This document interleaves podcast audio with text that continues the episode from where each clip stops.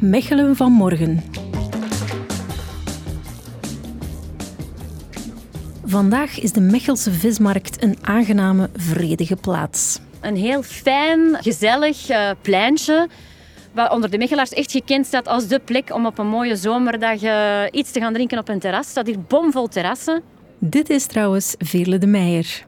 Ik ben Veerle de Meijer en ik ben projectcoördinator op de dienst Mobiliteit van de stad. Je zou het dus niet meteen zeggen, maar deze vismarkt was jarenlang het strijdtoneel van een conflict. Er kwam er een conflict tussen de terrassen, de voetgangers en de fietsers. Oké, conflict. Misschien stellen we het allemaal wat dramatisch voor, maar laat ons even terugspoelen en ontdekken hoe dat conflict precies tot stand kwam.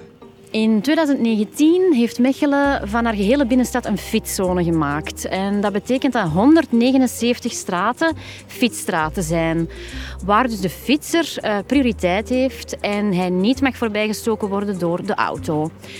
Maar dat betekent niet hè, dat de auto of uh, voetganger hè, niet welkom is en dat er niet aan gedacht wordt. Dus uh, iedereen is nog welkom in de stad, maar er is focus op die fiets.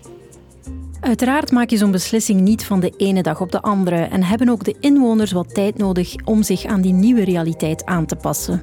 Bijvoorbeeld bij de installatie van de eerste twee fietsstraten merkte je dat zowel de fietser als de autobestuurder niet goed wist wat hij moest doen, wat zijn plek was. Auto's toeterden omdat de fietsen in het midden reden. En nu is dat al ja, veel meer ingeburgerd en zijn mensen daar meer aan gewend. Dus je merkt dat zo'n verandering altijd wel tijd nodig heeft en dat mensen daar, ja, zich dat eigen moeten maken en daar moeten winnen. Maar we zien wel door al die maatregelen die we nemen om die fiets wat te bevoordelen, dat dat ook zijn impact heeft gehad. Het fietsen in de stad is echt de laatste vijf à tien jaar enorm gegroeid.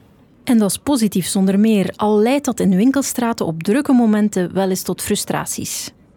We krijgen daar bijvoorbeeld veel klachten van voetgangers, van shoppers, dat ze vinden dat fietsers daar eigenlijk ja, zich te veel uh, plaats toe-eigenen en geen rekening houden met de voetganger. Dus dat wordt dan de keerzijde van het toegenomen fietsverkeer.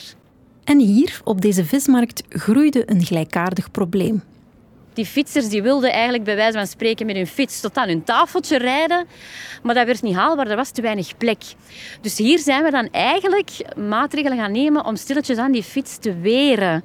En mensen te laten wennen aan het feit van ga hier met je fiets aan de hand of zet hem zelfs aan de kant aan een fietsenstalling en kom dan te voet tot op de vismarkt. Dat is voor iedereen fijner en gezelliger. Met rode lopers op de straat werd duidelijk gemaakt waar je je fiets kwijt kon en waar die niet meer welkom was. Dat werd in het begin heel weinig gebruikt. Maar we zien nu langzaamaan dat die beweging er wel komt. En je moet inderdaad zo een aantal dingen voorzien om, om die fietser wat uh, te leiden en tips te geven van uh, je kan hem ook daar kwijt, die fiets. En zo is het conflict ondertussen weer van de baan en is de vismarkt een fietsvrije zone midden in de fietszone.